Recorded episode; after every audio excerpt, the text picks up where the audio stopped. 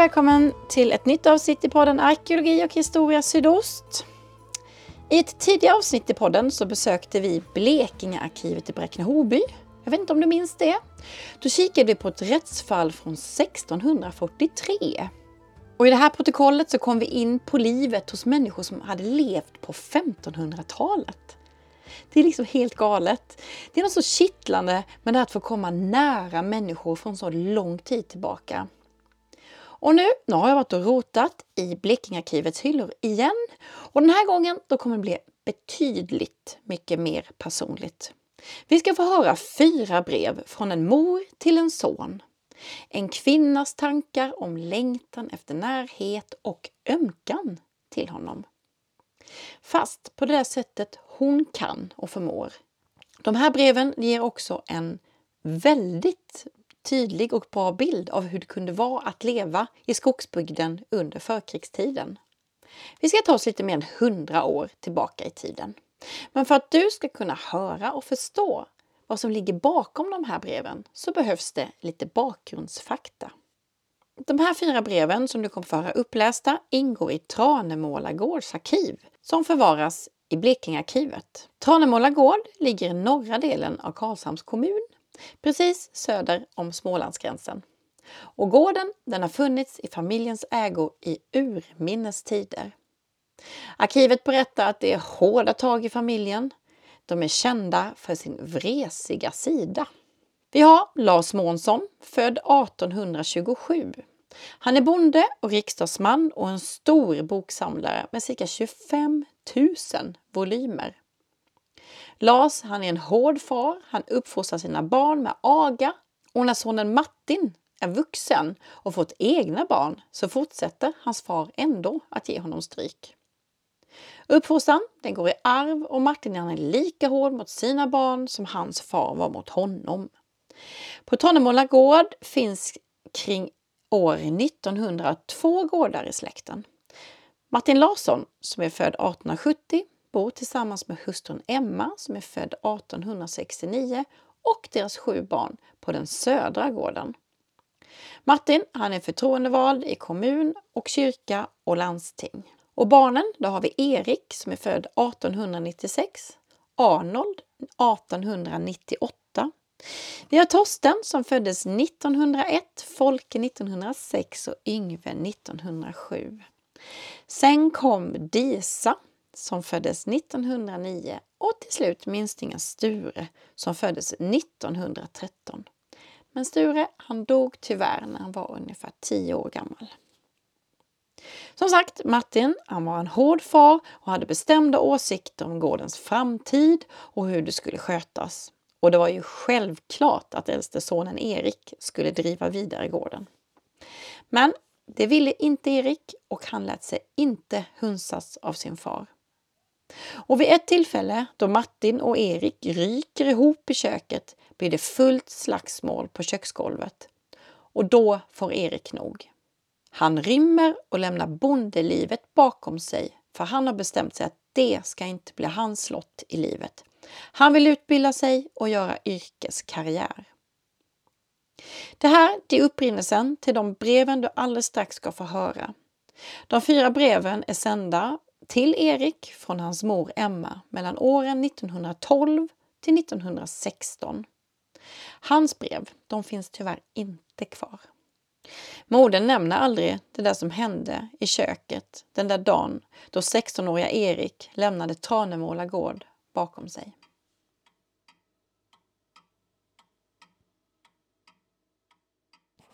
Tranemåla den 6 november 1912. Käre Erik. Det var roligt att få veta något litet från dig och höra att du trivs bra i Småland. Men mina farhågor och fråga om mat har besannats. Men om du vill kan vi skicka dig lite av vad huset förmår. Men då får du först skriva därom i händelse att du inte för kamraternas skull vill att vi ska göra det. Det är väl för tidigt att resa hem på lördag. Annars får vi rätt matställ till dess.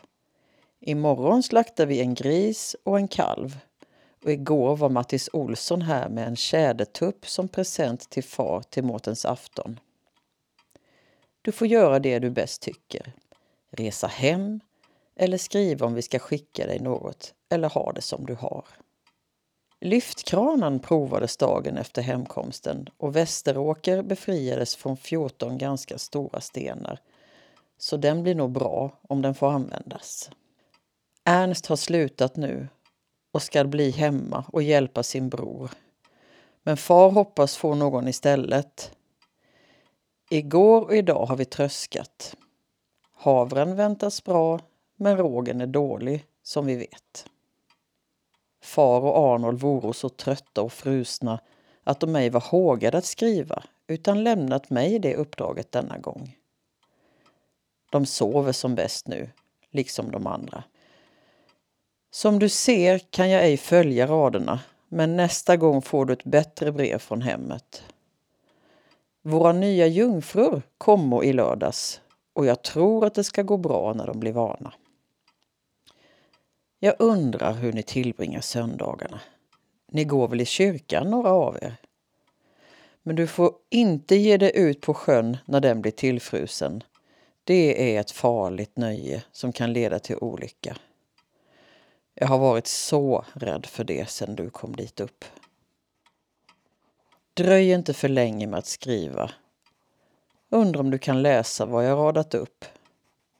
Bränn sen upp det så att inga av kamraterna får se det. Det hjärtligaste hälsningar från oss alla genom mor.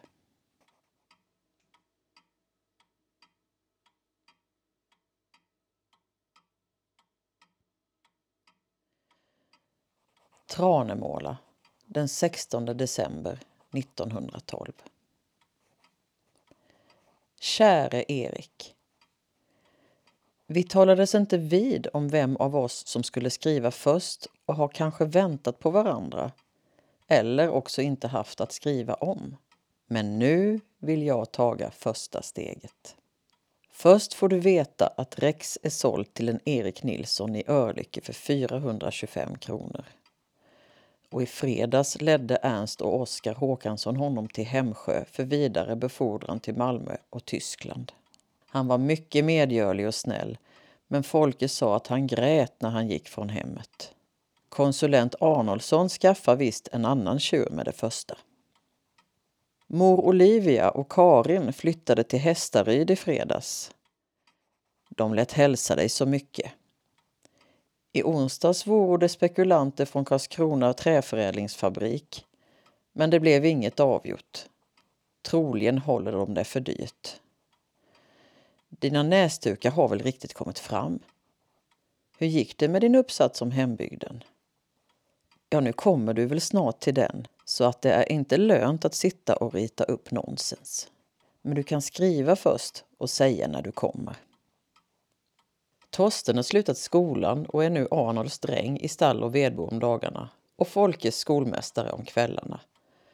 Och kan du tänka dig att Folke har lärt sig stora alfabetet så när som G?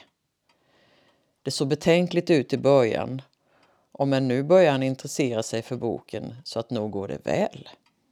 Torsten fick Karin släde när hon flyttade och går nu och önskar sig slädföre.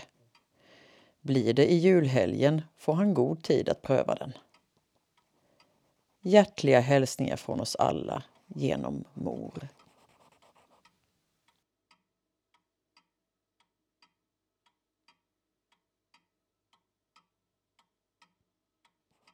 Tranemåla den 16 april 1913.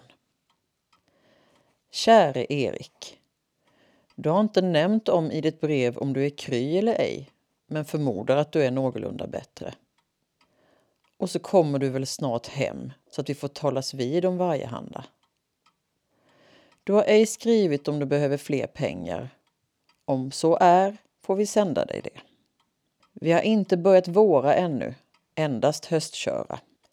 Bjälkarna är och körda till Håbygd så när som fem som skola till Åkeholm. Folke går nu i skolan och tycker det är roligt om det inte vore så långt dit. Torsten är Arnors dräng i stall och vedbod. Och allt går som vanligt så att det är ingenting att skriva om utan önskar dig välkommen hem vilken dag det blir. Jag undrar hur många kort du tagit. Jag tycker du ska ge mor Oliva ett. Likaså Elvira Olsson för deras vänlighet mot dig. Lämna ej bort för många där uppe. Hjärtliga hälsningar från oss alla genom mor.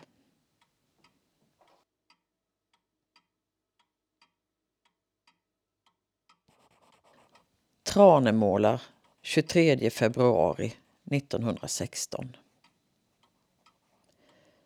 Käre Erik. Vi har dröjt mer än vanligt länge med att skriva till dig. Hoppas att du har överseende därmed.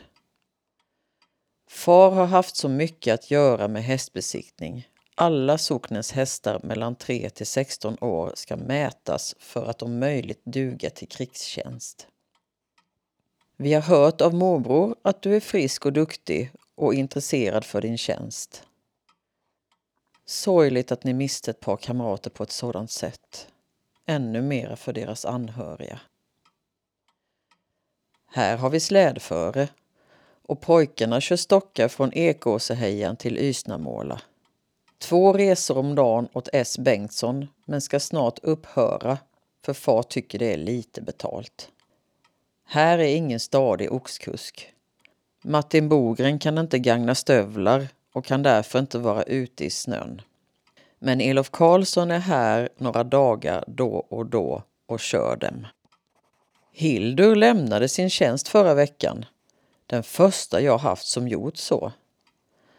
Anledningen var dels avighet mellan Tekla och henne samt Arnold och Anton om brev och dylika viktiga saker. Så att här har varit en faslig osämja en tid. Och Arnold har till och med blivit hotad med stämning av Tekla. Men nu är allt lugnt igen. Hildus mening är att resa till Skåne och få 25 kronor i månaden istället för 10 här. Och då kan man ju ej undra på att hon gick härifrån. I lördags fick vi telefonbud att faster Linnea blivit sjuk så att far var i stan i måndags och ställde om plats på lasarettet åt henne. Det är fara att hon är eller blir sinnesrubbad. Men hon blir kanske bättre när hon får vård och medicin. Viktor Persson och Selma Jonsson är hon nu förlovade. Adolf K och Bernardina snart gifta. Karl Andersson på Åkermåla och Alma Johansson likaså, jämte många andra förlovningar och äktenskap. Ja, du är kanske trött på mitt skrivande och för övrigt har jag inte mer plats. Eller kunde jag nog leta upp mer? När du skriver näst så säg hur snart du får permission för att resa hem ifall du tycker det vore ett nöje. Många frågar om du skriver hem. Varför vet jag inte. Det är ju alldeles klart du gör. Arnold tror sig vara säker på Tora är dräktig, men inte glad åt det. Hon blir så tung och trög. De hjärtligaste hälsningar till dig från oss alla genom mor.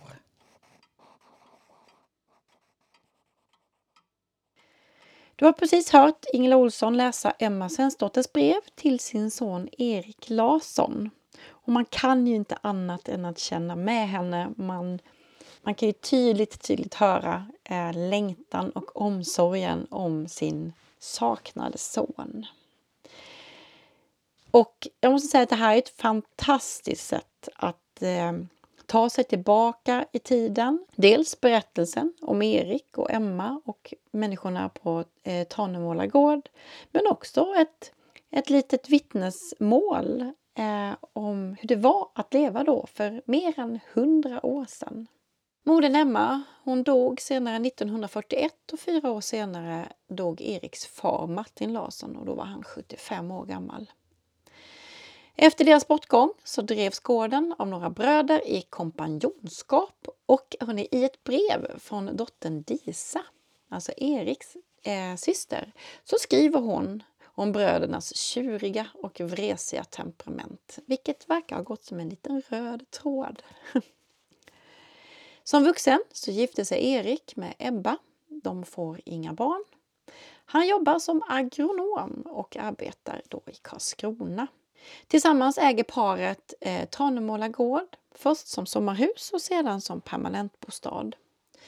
Erik han dör 1977 och Ebba hon avlider 1989 och de har då bestämt att testamentera hela gården till en stiftelse som fortfarande äger Tranemåla gård.